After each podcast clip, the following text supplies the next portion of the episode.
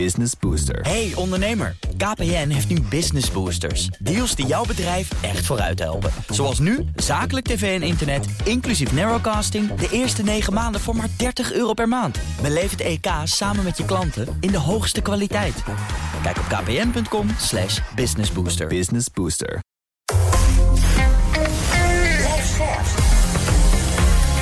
BNR Nieuwsradio. The Big Five. Art Rooijakkers. Twee weken geleden is de Oekraïnse stad Gerson terugveroverd op de Russen. Dat is een belangrijke overwinning voor de Oekraïners. Toch blijft het leven voor de burgers moeilijk. En staat een zware winter te wachten.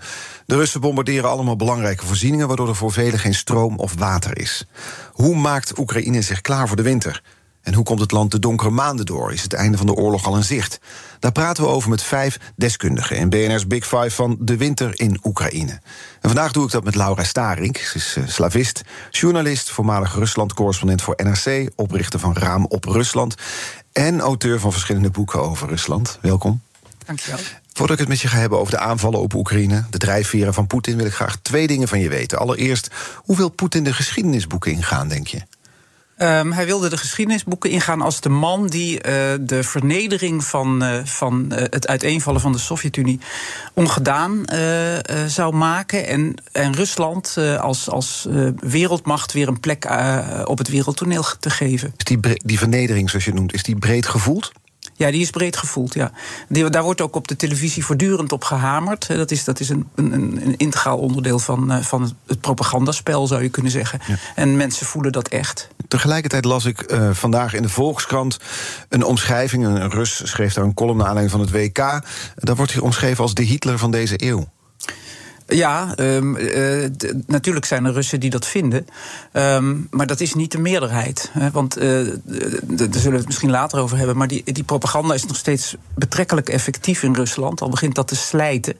Uh, en het idee dat, dat Poetin Rusland aan het redden is, is toch nog steeds wijdverbreid onder Russen. Hangt het dus die Oekraïne-oorlog, winst, wordt voor hem, dan is hij de held die het herstelt. Verlies is, wat is het dan? Eind verhaal. Dan is het voorbij. Denk ik, ja. ja. Zo existentieel is het voor Poetin ja, zelf. Ja, en daarom kan hij ook niet opgeven. Ja. Ten tweede, heb je, mijn tweede vraag... heb je nog veel contact met mensen in Rusland zelf? En wat verhalen hoor je van ze? Ik heb nog wel contacten, maar veel van mijn vrienden die, uh, die zijn weg. Die, uh, die, die, uh, een vriend van mij zit nu in Lviv, bijvoorbeeld in West-Oekraïne. En uh, die, ja, die schaamt zich kapot voor zijn land. En die, die voelt zich totaal machteloos en mislukt. En dus die, die, die, die, de meeste mensen die mijn contacten en bronnen waren, die, die zijn het land uit. Er wordt gezegd dat er echt een brain drain gaande is, of ja. is gebeurd ja, het in gaat Rusland. om honderdduizend mensen. Ja. ja.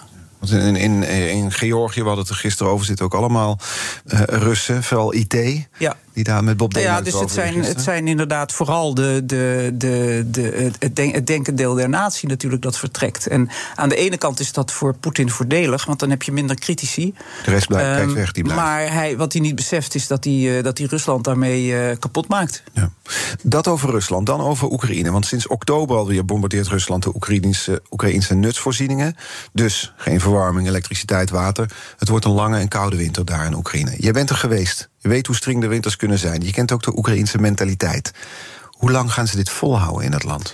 Nou, dat vind ik heel moeilijk te zeggen. Kijk, eigenlijk had niemand verwacht dat ze het zo lang zouden volhouden als ze nu al doen. Dat is, uh, dat is de eerste grote verbijstering, zeg maar. Dat, uh, uh, en ze houden de, de, de, de, solidariteit, de onderlinge solidariteit, die groeit met, met de dag, zou je kunnen zeggen. Met, met, met de, de, de, de, de vreedheid van de aanvallen van de Russen, de zinloosheid van de moordpartijen, et cetera.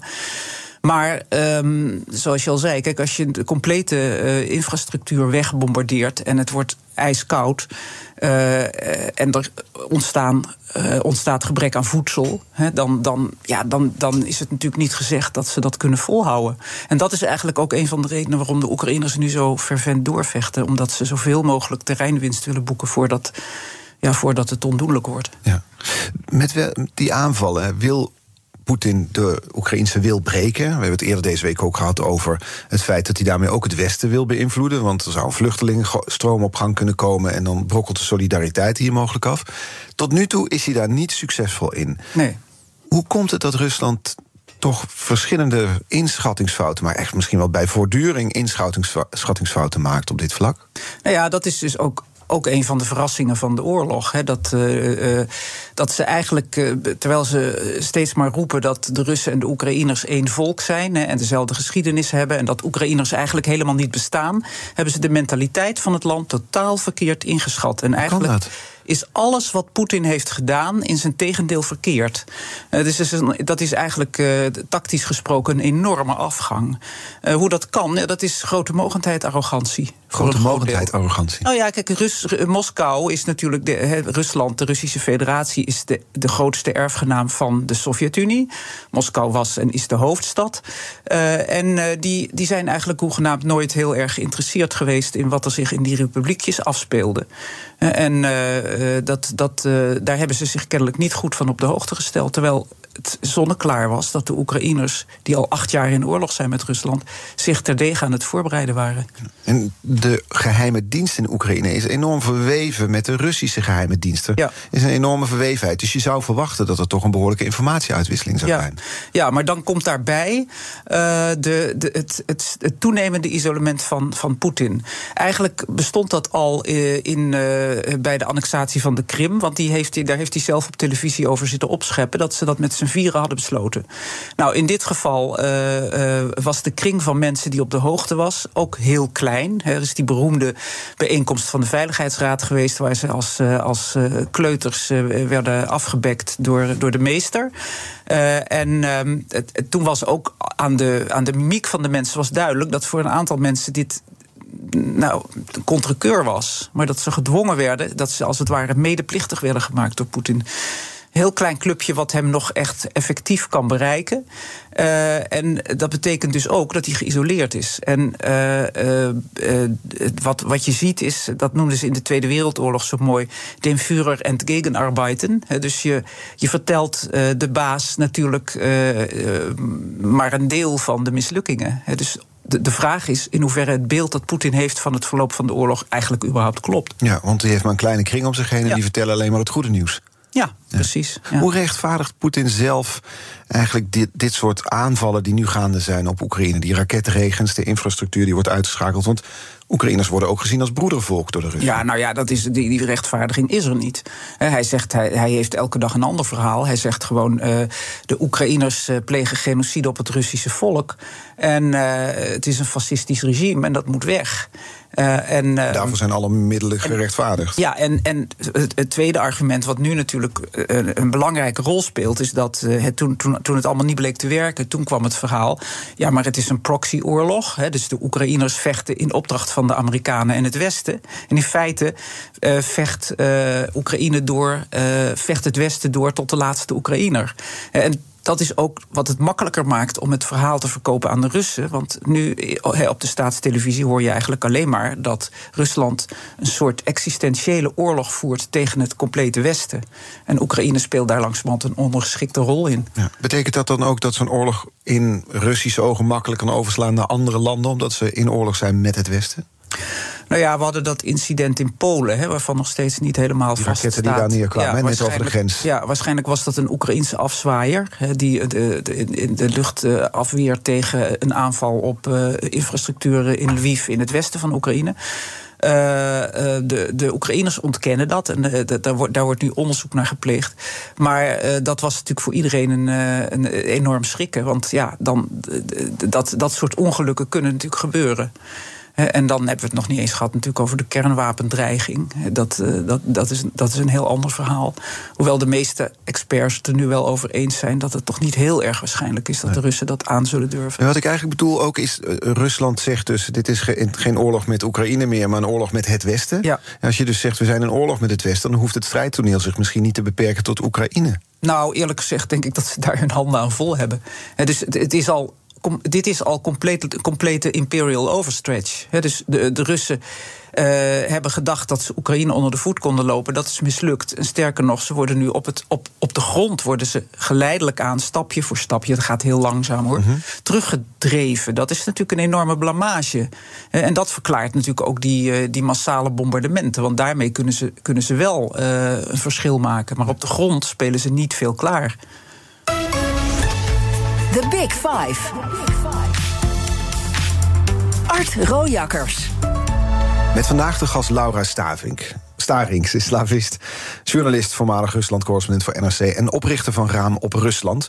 We komen te zo te spreken over jouw tijd als correspondent in Moskou.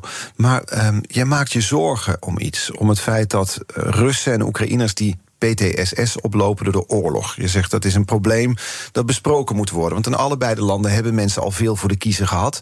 Er is al veel leed geweest historisch gezien. Wat merk jij daarvan tijdens je bezoeken, tijdens je gesprekken? Nou ja, je, kijk, we weten het natuurlijk uit de geschiedenis. We weten het ook van de Tweede Wereldoorlog. Hoe lang dit soort oorlogen uh, en oorlogsmisdaden, hoe lang die doormendelen, uh, zeg maar, in, de, in, in volgende generaties. Um, uh, kijk, wat, wat, voor Oekraïne geldt, is dat uh, in, in, mijn ogen is het genocide wat Rusland pleegt. Uh, dat betekent dat je existentie wordt, wordt bedreigd. Dat is, dat is natuurlijk fundamenteel traumatiserend. Dat is één. Het tweede is natuurlijk dat de, de, complete. ja, de, de, de, beelden van die steden die zijn weggevaagd zijn, zijn verschrikkelijk. Die doen echt denken aan de Tweede Wereldoorlog of aan de oorlog in Tsjetsjenië of in Syrië. Uh, dat is ongekend in, uh, in Europa de laatste uh, eh, 70 jaar. Um, en. Um, die, de, de, uh, daarnaast zijn er gewoon. Uh, de, de, er is onduidelijkheid natuurlijk over de ho hoeveelheid doden in Oekraïne. Mm -hmm. uh, sommige mensen roepen 100.000. en evenveel aan de Russische zijde. Ja. de Oekraïners zelf houden dat angstvallig geheim natuurlijk. Ja. Dat is. dat is maar dat het leed enorm is, staat, staat op zich natuurlijk. Of het spreekt ja. voor zich. uit jouw tijd in Rusland bleek eruit dat mensen, wat jij beschrijft, die trauma's uit het verleden, Stalinisme bij wijze van spreken, of onder het ja. communisme, de angst en terreur die ze hebben meegemaakt, dat, dat voelde jij nog steeds in die maatschappij? Ja, zeker. Want uh, de, in de tijd dat ik er zat, dat was dus in de Gorbachev-tijd, dat was maar zeggen, de tijd dat het openbrak en dat er hoop was dat het een normaal land zou kunnen worden. Toen uh, waren er allerlei mensen die voor het eerst durfden te praten over de gruwelen die, uh, die, uh, die ze in hun familie hadden meegemaakt. En dat, daar ging een soort reinigende werking van uit. -hmm. Uh, en uh, nou ja, goed, als je het vergelijkt met Duitsland, dan is inderdaad die vergangenheidsbewältigung, waar ze in Duitsland ook decennia over hebben gedaan. En dat is heel belangrijk om uh, op de een of andere manier weer verder te kunnen als, ja. als land en volk. En daar doen ze in Rusland dus niets aan. Verklaart dat, verklaart dat misschien gedeeltelijk ook de mentaliteitsverschillen die we zien tussen de Oekraïners en Russen ja. in deze oorlog? Is dat te ja. verklaren door het verleden van de landen? Ja, dat is zeker te verklaren door het verleden. Want de, de Oekraïners die, die liggen dichter bij Europa. En zeker het westelijke deel van Oekraïne rondom Lviv heeft deel uitgemaakt van het, uh, van het Habsburgse Rijk. En dus dat heeft toch een soort van multi partijen, meer, meer partijen systeem gehad, een soort vorm van democratie. Daar is wat meer verlichting geweest. Um, um, en wat betreft het oosten, wat dicht tegen Rusland aan ligt... waar de banden heel nauw zijn... daar is Poetin alle goodwill aan het verspelen... doordat hij dat, juist dat oosten, omdat ze dat het eerste bezet hebben... compleet aan het kapot bombarderen is. Dus de, en de, het, het verschil tussen de Russen en de Oekraïners is geworden... dat de Oekraïners zich kunnen afzetten tegen Moskou.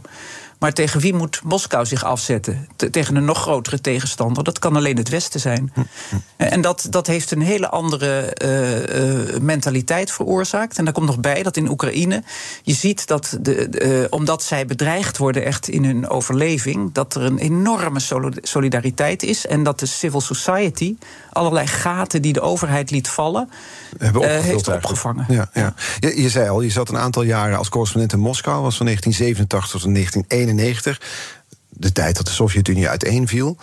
Um, je, toen zat Gorbachev er toen. Wat voor omgeving was het eigenlijk? Hoe zou het omschrijven? Nou, ik heb Moskou zien veranderen van een uh, grimmige, donkere, sombere stad... waar niets te eten en te drinken was... en waar je uh, nog geen restaurant binnen kon komen. Uh, geen consumptiegoederen en niks. via diepe armoe tot een, tot een metropool van, van wereldallure als je er nu rondloopt. Het verschil is enorm. Dat werd het ondanks uh, ook in, vanaf het moment dat Poetin president werd in 2000. Hij had er grote invloed op. Hij bracht welvaart in zekere zin, Zeker, toch? ja. Absoluut. Hij heeft, uh, hij heeft daarbij natuurlijk ook de mazzel gehad dat Jeltsin het vuile werk al had gedaan, zijn voorganger. Uh, dus die moest die ongelooflijk ingewikkelde overgang van een centraal geleide planeconomie naar een markteconomie uh, begeleiden. Nou, dat is op allerlei punten is dat ontzettend ontspoord. -huh. maar Poetin kon gaan opbouwen, gesteund door de hoge olie- en gasprijzen. En daar, daarom is hij zo populair geworden. Ja, hij bracht welvaart, hij bracht ja, rust, hij bracht vrede. Ja, ja. ja. Wanneer ging het mis? Ja, ik denk dat dat een, een, een heel geleidelijk proces is uh, geweest. Waarbij uh, uh, Poetin teleurgesteld is geraakt in het Westen. Hè. Dus aanvankelijk was hij voor samenwerking. En, en, en enfin, vroeger, in de Yeltsin-tijd, was er zelfs sprake van NAVO-lidmaatschap van, van Rusland en dat soort dingen. Nou, daar kwam allemaal niks van terecht. Want de Europese Unie had ook ja, Rusland was een te grote brok om te ver, verhapstukken, zeg maar. -hmm. Uh, en ze voelden zich dus in de steek gelaten en buitengesloten. En uh, toen heeft hij het, ja, langzamerhand het roer gewend. En dat is in 2007, zou je kunnen zeggen, begonnen. En, en heeft middels een aantal militaire interventies ook laten merken dat hem dat ernst is. Maar zijn laatste, zijn, ja, zijn obsessiviteit met Oekraïne, dat is echt iets van de laatste paar jaar. Het is bijna een soort persoonlijke rancune. Ja. Hoe, hoe, waar, waar komt dat vandaan, die rancune?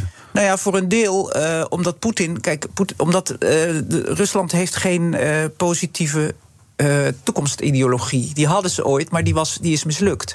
Dus wat Poetin doet, is hij kijkt steeds naar het verleden. Hij kijkt dus naar het Russische imperium. Hij shopt heel heel uh, uh, op, op zijn eigen onnavolgbare manier in de geschiedenis van Rusland. Haalt daaruit, pikt daaruit wat hem, wat hem bevalt. En dat trekt hij naar zich toe. En een van de belangrijkste dingen daarvan is dat Belarus, Wit-Rusland, Oekraïne en Rusland in zijn ogen een, een, een, eenheid vormen. Een territoriale eenheid waar nooit iemand tussen mag komen. Nee, hij houdt natuurlijk af en toe een, een toespraak, Poetin. Dan heeft hij het over denazificatie van ja. uh, Oekraïne. Dat stamt nog uit de Tweede Wereldoorlog, toch? Ja, ja en dat is, uh, dat is ongelooflijk misselijkmakend. Want uh, er is helemaal. Natuurlijk, er zijn in Oekraïne, zijn, net als overal elders, zijn extreemrechtse idioten. die zijn in het parlement niet vertegenwoordigd. Dus daar wordt niet op gestemd. de president is een Jood.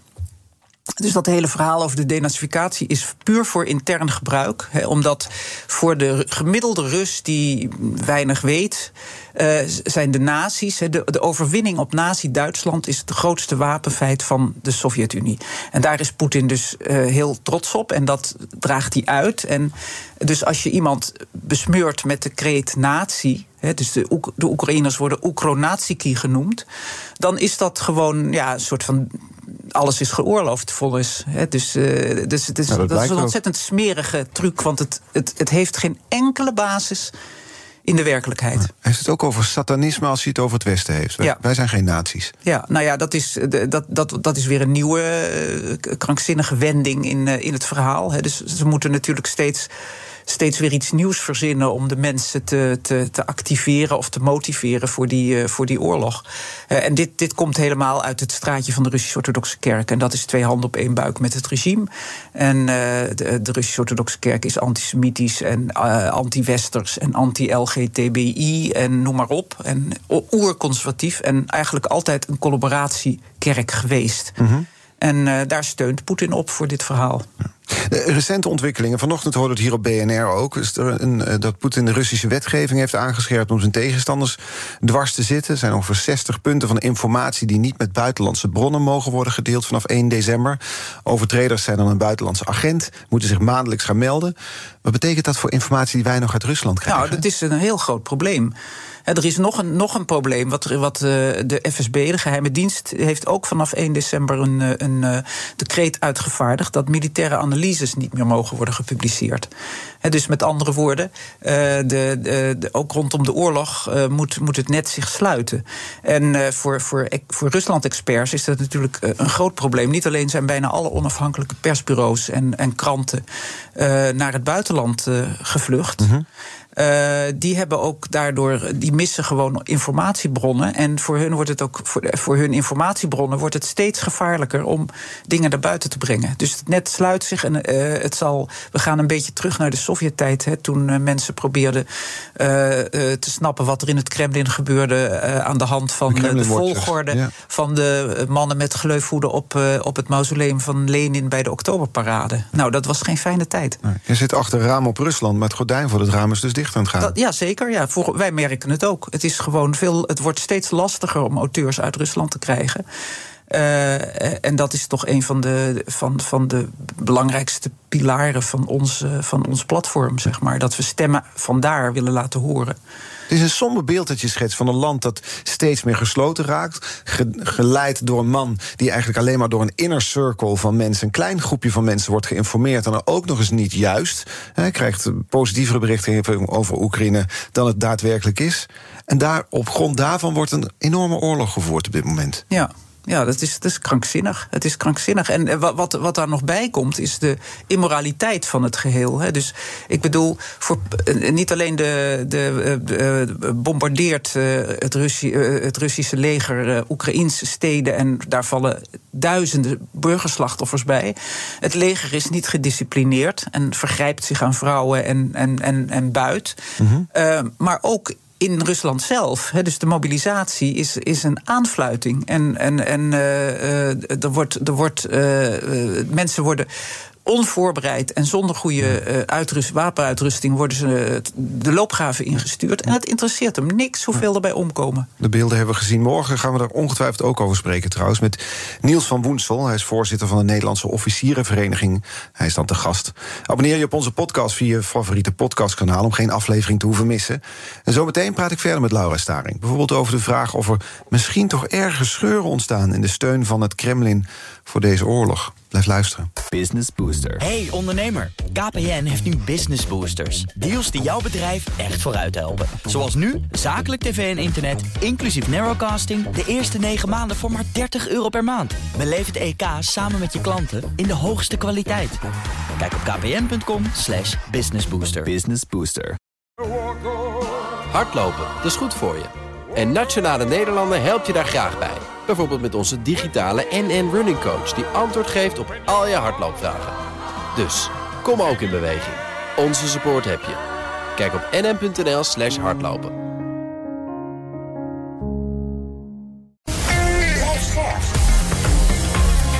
BNR Nieuwsradio. The Big Five. Art Rooijakkers. Welkom bij het tweede halfuur. Deze week vijf deskundigen over de winter in Oekraïne. Morgen praat ik nog met Niels van Woensel, voorzitter van de Nederlandse Officierenvereniging. We hebben het over oorlogsvoering in wintertijd. Vandaag de gast Laura Staring, slavist, journalist, voormalig Rusland-correspondent voor NRC en oprichter van Raam op Rusland.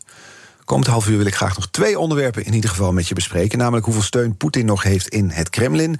En ja, waarom de Krim eigenlijk heilige grond is voor Rusland. Laten we met het laatste beginnen. Want uh, Gerson viel. Twee weken geleden moesten de Russen zich terugtrekken uit die stad. Het was een blamage voor de Russen. Tenminste, zo zien wij dat hier. Hoe werd dat in Rusland eigenlijk gezien?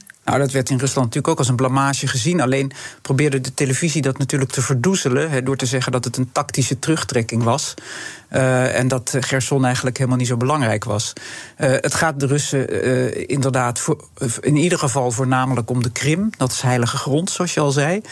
dat heeft ermee te maken dat in 988 vorst Vladimir van de staat Kiev-Roes het Kievse uh, Russenrijk. Um, uh, de, de, op de Krim de, de, het Russisch-orthodoxe geloof omarmde en zijn, zijn bevolking tot hetzelfde dwong, zeg maar. Dat hadden ze uit Constantinopel over, overgenomen. Dat is de orthodoxe uh, rite. En dat is um, natuurlijk zowel voor de Oekraïners als voor de Russen een soort van heilig moment. Uh, en daarom heeft Poetin wel eens gezegd dat Krim eigenlijk heilige grond is. Is hij zo gelovig? Absoluut niet. Ja, tenminste, ik, ik denk dat dat puur cynisme is. Hij gebruikt dat, hè, want het past natuurlijk in het plaatje van het uh, Russische imperium: hè, autocratie, orthodoxie. Ehm, dus dat, dat, uh, die pilaar heeft hij nodig. En hij gaat ook altijd braaf met, uh, met kerst en met paas een, een, kaarsje branden in de, in de kerk. Mm -hmm. Maar ik denk niet dat hij, dat hij gelovig is. Ja. Je, je, had het al over dat de talkshows eigenlijk zeiden... nou, het is een tactische terugtrekking uit, uit Gerson. Is dat dan ook het sentiment, heb je het idee in Rusland? Dat, wordt dat gepikt, zo'n uitleg? Nou, wel steeds minder. Je ziet toch dat die steun uh, voor die operatie, uh, voor de oorlog afneemt. Uh, dat heeft natuurlijk ook alles te maken met de mobilisatie, die, die de Russen natuurlijk verschrikkelijk vinden en op grond waarvan die vele tienduizenden het land hebben verlaten. Um, maar ze zijn. Uh, dus ze, ze, ze uh, aan de ene kant uh, geloven ze dat wel. Die, die, wacht even, ik ben even de vraag kwijt. Nou, de vraag is, ja, nee, dat maakt niet uit. De vraag was over die aftocht in, uit Gerson. Ja, de talkshows deden ja. dat voorkomen als een tactische terugtrekking. Precies, ja. In hoeverre heb jij de beeld van of dat ook echt gepikt wordt, geloofd wordt, ja. die uitleg? Nou ja, het interessante is dat wat je ziet is dat de, de talkshows zelf totaal in de war zijn. He, dus de, de, de experts buiten daar over elkaar heen. En ze zijn het helemaal niet meer met elkaar eens. Dus er zijn ook mensen die zeggen: dit was een grote blunder. Uh, de, die talkshows worden ook in de nek geheigd door uh, extreemrechtse uh, militaire blogs. die heel veel lezers hebben in Rusland. En die vinden dat Poetin veel te langmoedig is. Die, die, die, die, die willen dat, dat, dat, er, dat er een algehele mobilisatie komt. Dat, dus het kan eigenlijk nog erger. Het kan nog erger, ja, precies. Wat maar zou de ziet... volgende stap in escalatie kunnen zijn? Nou, ik denk dat de Russen dat niet kunnen. Ik denk dat ze het in ieder geval op de grond niet kunnen. Het verhaal is dat er, uh, dat er uh, begin volgend jaar nog een grotere mobilisatie op touw gezet gaat worden. Maar de problemen met de organisatie van deze mobilisatie zijn al zo groot. En er sterven zoveel mensen. dat ik me niet zo goed kan voorstellen dat ze dat gaan doen. Hoe ziet dat eruit, een nog grotere mobilisatie? Nou, er zijn er nu, uh, volgens de officiële cijfers, zijn er 300.000 opgeroepen. En uh, daar zouden er misschien nog een half miljoen bij komen. Ja. Uh, maar dat alles bij elkaar is nog steeds niet genoeg om een heel land te bezetten. Dus, dus het is. Het is uh... En dan moet het er dus toch over hebben. Die vrees, die eeuwige vrees, in ieder geval tijdens deze oorlog, dat er een moment zou kunnen komen dat Poetin naar kernwapens grijpt. Ja, nou ja, kijk, we, we weten heel weinig van Poetin. Want uh, uh, hij spreekt zich wel vaak uit. Maar uh, wat er in hem omgaat en hoe de besluitvorming daar loopt, dat is, dat is, dat is niet bekend. Um, maar het is natuurlijk wel zo dat voor Poetin is deze is, zou een nederlaag tegen het Oekraïense leger. Dus als het leger erin zou slagen om de troepen terug te dringen naar de Russische grens, laat staan de Krim zou kunnen bevrijden. Nou, dan is dat een dermate grote afgang dat ik me niet kan voorstellen dat Poetin kan blijven zitten. Mm -hmm. Dat is natuurlijk zijn grootste angst. Nou, dat, als, als het die kant op gaat, dan. Ja, dan zou je kunnen zeggen dat zo'n uh, zo'n zo'n optie voor hem weer op tafel komt. Maar het is ook bekend dat uh, ook op de G20 in, uh, in Indonesië, zelfs China en Indonesië en India, dus trouwe bondgenoten van Poetin, dat die toch hebben laten doorschemeren van dat willen we niet. Want, dan, want niemand weet waar dat eindigt. Luistert hij naar bijvoorbeeld China? Hij zal wel moeten, want uh, de, de Chinezen uh, zijn uh, voor hem, nu die zich door het Westen in het nauw gedreven voelt, de belangrijkste afnemers van olie en gas aan het worden. Wij, wij beginnen dat in een rap tempo af te bouwen. Dat is ook een van zijn missers. Dat heeft hij niet zien aankomen. Hij dacht dat hij ons met een gasoorlog op de knieën kon dwingen. Dat is niet gelukt. Dus hij gaat nu naar de Chinezen met de pet in de hand. En de Chinezen zijn keihard. Die zeggen: oké, okay, maar wel op onze voorwaarden en voor onze prijs. Ja, en dat betekent geen tactisch kernwapen inzetten. De Chinezen zijn daar voor zover bekend niet voor, want die vinden dat ongelooflijk riskant. De Chinezen willen ook zaken doen met, uh, met, uh, met het Westen. Die zijn ook financieel van, van ons afhankelijk. Het is ergens aanlokkelijk om zo'n zo'n oorlog bijna toe te spitsen op twee personen. Ja. En daar doen we het geen rechten aan het leed dat er op het slagveld is of onder de, de bevolking. Maar als we Poetin en Zelensky toch eens vergelijken, dan heb je aan de ene kant in Oekraïne Zelensky, buitengewoon zichtbaar, dagelijkse update, uh, laat zich regelmatig zien op militaire basis. Terwijl Poetin zien we amper. Ja. Hoe, wat is de verklaring daarvoor? Nou ja, dat, dat, dat zijn twee totaal verschillende mensen. De, dus uh, Zelensky, ik moet zeggen dat ik, net als veel, uh, ik, veel van mijn Oekraïense vrienden, die hebben niet op hem gestemd. Die hadden er geen enkel vertrouwen in hem, omdat hij. Uh, nou, acteur, ja. ja. kan die, nou oorlog, die kan toch geen oorlog voeren? Die zijn allemaal om. Dus iedereen heeft, staat paf van bewondering voor wat hij klaarspeelt. Hij heeft een enorm PR-gevoel. Heeft natuurlijk ook hele goede tekstschrijvers. Hij is onvermoeibaar. Hij, nou ja, we hadden het net over de, de herovering van Gerson. Uh, drie dagen daarna stond, uh, stond Zelensky daar de vlag te hijsen en het volkslied te zingen met een brok in zijn keel. Terwijl, terwijl die stad nog heel gevaarlijk is. overal mijnen en, mogelijk ook nog snipers. op diezelfde dag opende Poetin een um, kalkoenenfabriek in een buitenwijk van Moskou. Dat, dat, dat tekent het verschil. Poetin is nergens, die is nog nooit aan het front geweest. Hij komt af en toe op een militaire basis en dan uh, laat hij zich voorlichten door uh, uh, acteurs. Um, en hij, hij, is, hij geeft ook op cruciale momenten geen commentaar. Um, is hij eigenlijk nog betrokken bij deze oorlog? Ja, hij is zeer zeker zeer betrokken, maar hij is ook in war. Dat kan je zien. Hij had laatst een ontmoeting met uh, soldatenmoeders. Nou, de Moscow Times had daar vandaag een uitstekend stuk over... waarin uitgelegd wordt dat dat een totaal toneelstukje was. De echte soldatenmoeders die zich georganiseerd hebben in een NGO... en die uh, Poetin uh, ter verantwoording roepen... Die werden niet uitgenodigd. Een aantal van de mensen die daar aan tafel zaten waren gewoon acteurs die vaker in dit soort toneelstukjes spelen. -hmm. Uh, en de, de tekst van Poetin was dermate absurd. Hij zei: Ja, natuurlijk, het is het ergste wat een moeder kan overkomen dat je zoon sterft.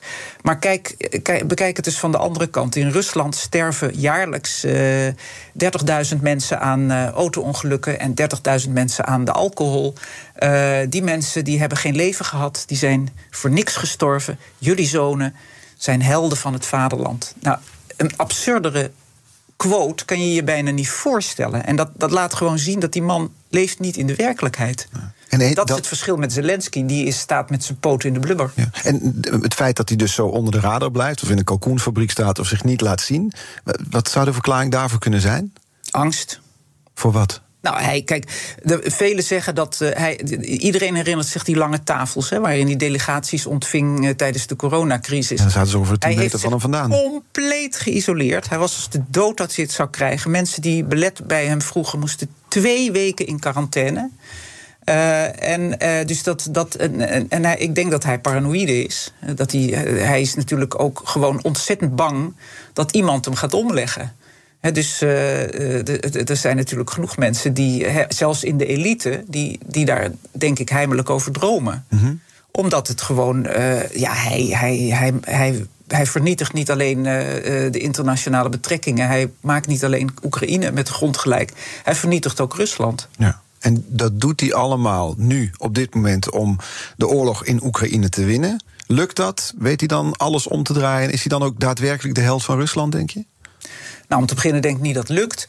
Uh, maar. Um, uh, of is, is, dat, is hij al te geïsoleerd? Kijk, het, het, het complete Westen wil geen zaken meer doen met die man. Dus hij heeft toch geen toekomst. Dit is sowieso het endspiel voor Poetin. Waar het eindigt, weten we niet. Uh, hij kan eigenlijk nergens heen. Um, maar dat hij, dit, dat hij dit gaat overleven, het kan nog jaren duren hoor. Dat is, uh, dat, dat, dat, daar, daarover geen misverstand. Mm -hmm. Maar uh, het, en het volk zal niet in opstand komen. Dat, dat gebeurt niet in Rusland. Wat dat betreft zijn ze ook heel anders dan de Oekraïne. Mm. Um, maar, uh, maar het is het eindspiel voor, voor Rusland. Voor Poetin bedoel Voor Poetin bedoel ik, Ja, voor Poetin, voor Poetin is het endspiel dat hij, dat hij moet, moet proberen te doen wat Yeltsin met hem heeft gedaan. Yeltsin heeft hem uh, tot zijn opvolger gezalfd... onder voorwaarde dat hij uh, Yeltsin met rust zou laten. Dus niet in de gevangenis zou gooien. Ja, daar moet hij op hopen. Uh, en daar moet hij op hopen.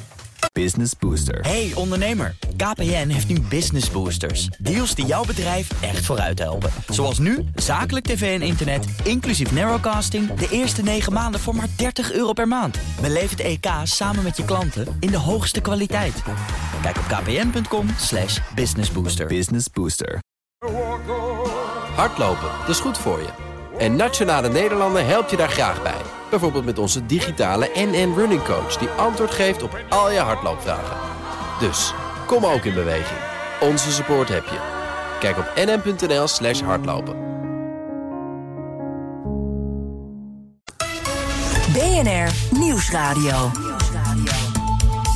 The Big Five. Art Rojakkers.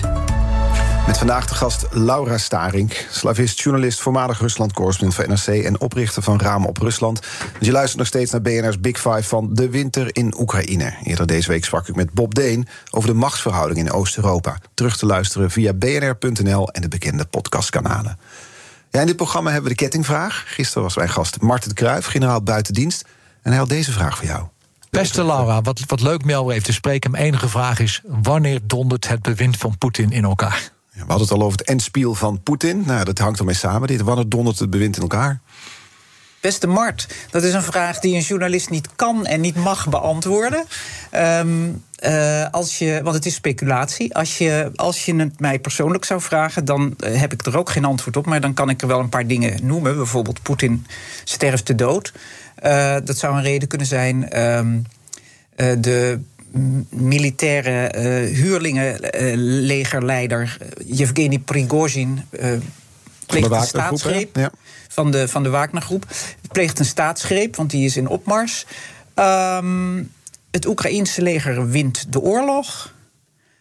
of het Russische volk um, komt massaal in opstand. Allemaal voorlopig nog niet heel erg waarschijnlijk. Nee, want de steun onder de bevolking voor Poetin, hoe staat het daarmee? die kalft wel af. En dat heeft natuurlijk met name te maken met, uh, met de mobilisatie, die uh, buitengewoon chaotisch en, en, en, akelig verloopt.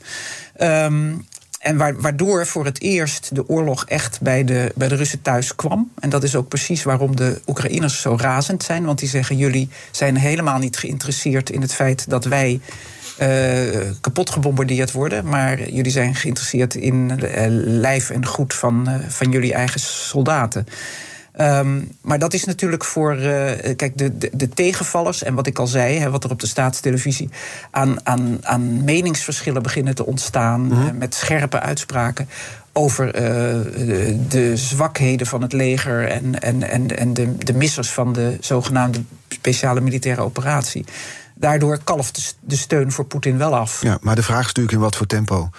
He, ja, hoe langzaam en, dat gaat. We zien ja, een oorlog die al maanden gaande is. En we, ja. we, horen al heel lang de steun voor Poetin is echt niet zo breed als we denken. Maar intussen zien we niet veranderen. Nou ja, het, het, het punt is dat de Russen kiezen altijd voor de, voor de leider. En nou ja, goed, dat is, een, dat is een cliché. Maar dat wordt wel vaak, uh, vaak gezegd. Dat uh, Poetin is de tsaar. En die staat eigenlijk boven de partijen. En het zijn de bojaren, dus de onderknuppels, die er een potje van maken. Dus bijvoorbeeld minister van Defensie Shoigu. Mm -hmm. Die moeten het dan ontgelden. Maar de Russen hebben eigenlijk eigenlijk toch een soort hoop dat er toch een, er moet toch iemand zijn die de boel nog onder controle heeft. En dan moet Poetin dat maar zijn. Ja, en ze zijn natuurlijk als de dood hè, dat er weer een periode ontstaat zoals de jaren negentig, die overgangsperiode naar het kapitalisme. En dat was voor alle Russen een traumatische ervaring. Ja. Het is tasten in het duister wat we doen. Want we proberen eigenlijk te achterhalen wat er speelt in een land waaruit we steeds minder informatie krijgen. Tegelijkertijd zijn er misschien ook wel parallellen met het verleden te trekken. Met de tijd dat jij in Moskou zat, toen de Sovjet-Unie uiteenviel. Waren er toen al, voordat het ook daadwerkelijk gebeurde, voordat de Sovjet-Unie echt uiteenbrokkelde, waren er toen al signalen van instabiliteit op te pikken?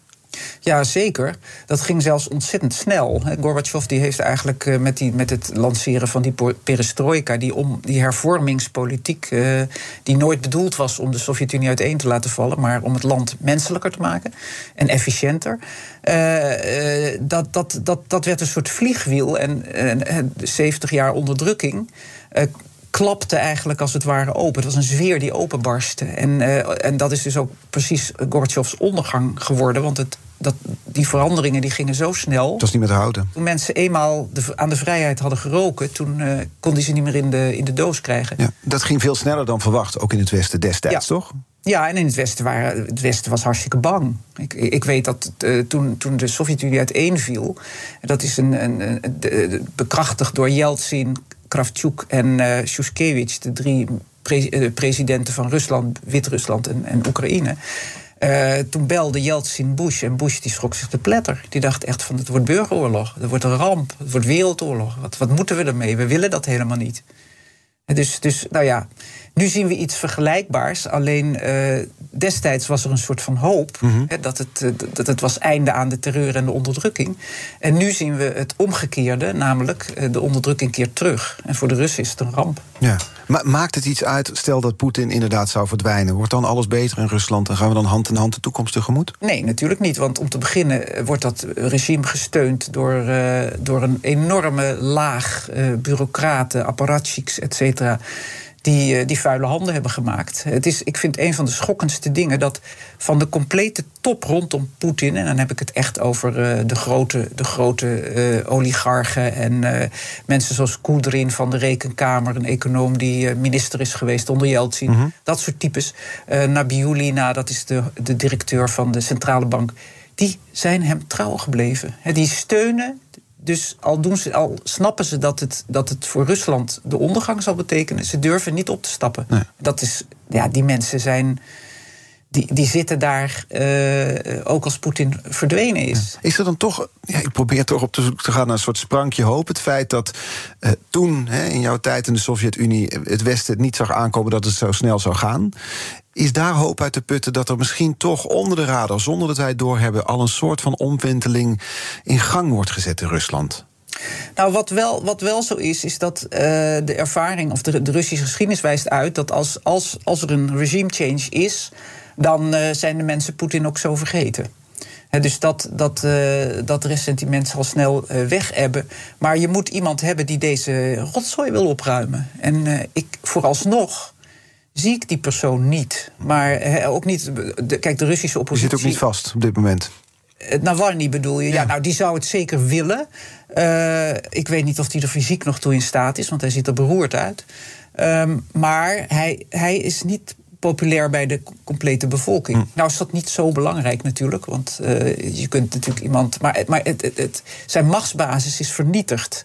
En de Russische oppositie, wat er nog van over is, die is het hopeloos oneens met elkaar. Ja. Dat is een, ook een constante in de Russische geschiedenis. Jouw werkzame leven draait en draaide voor een groot deel om Rusland. Een land dat we nu alweer een, eh, een uur aan bespreken zijn, waar een leider zit waarvan je zegt: Ik heb het idee dat hij paranoïde is.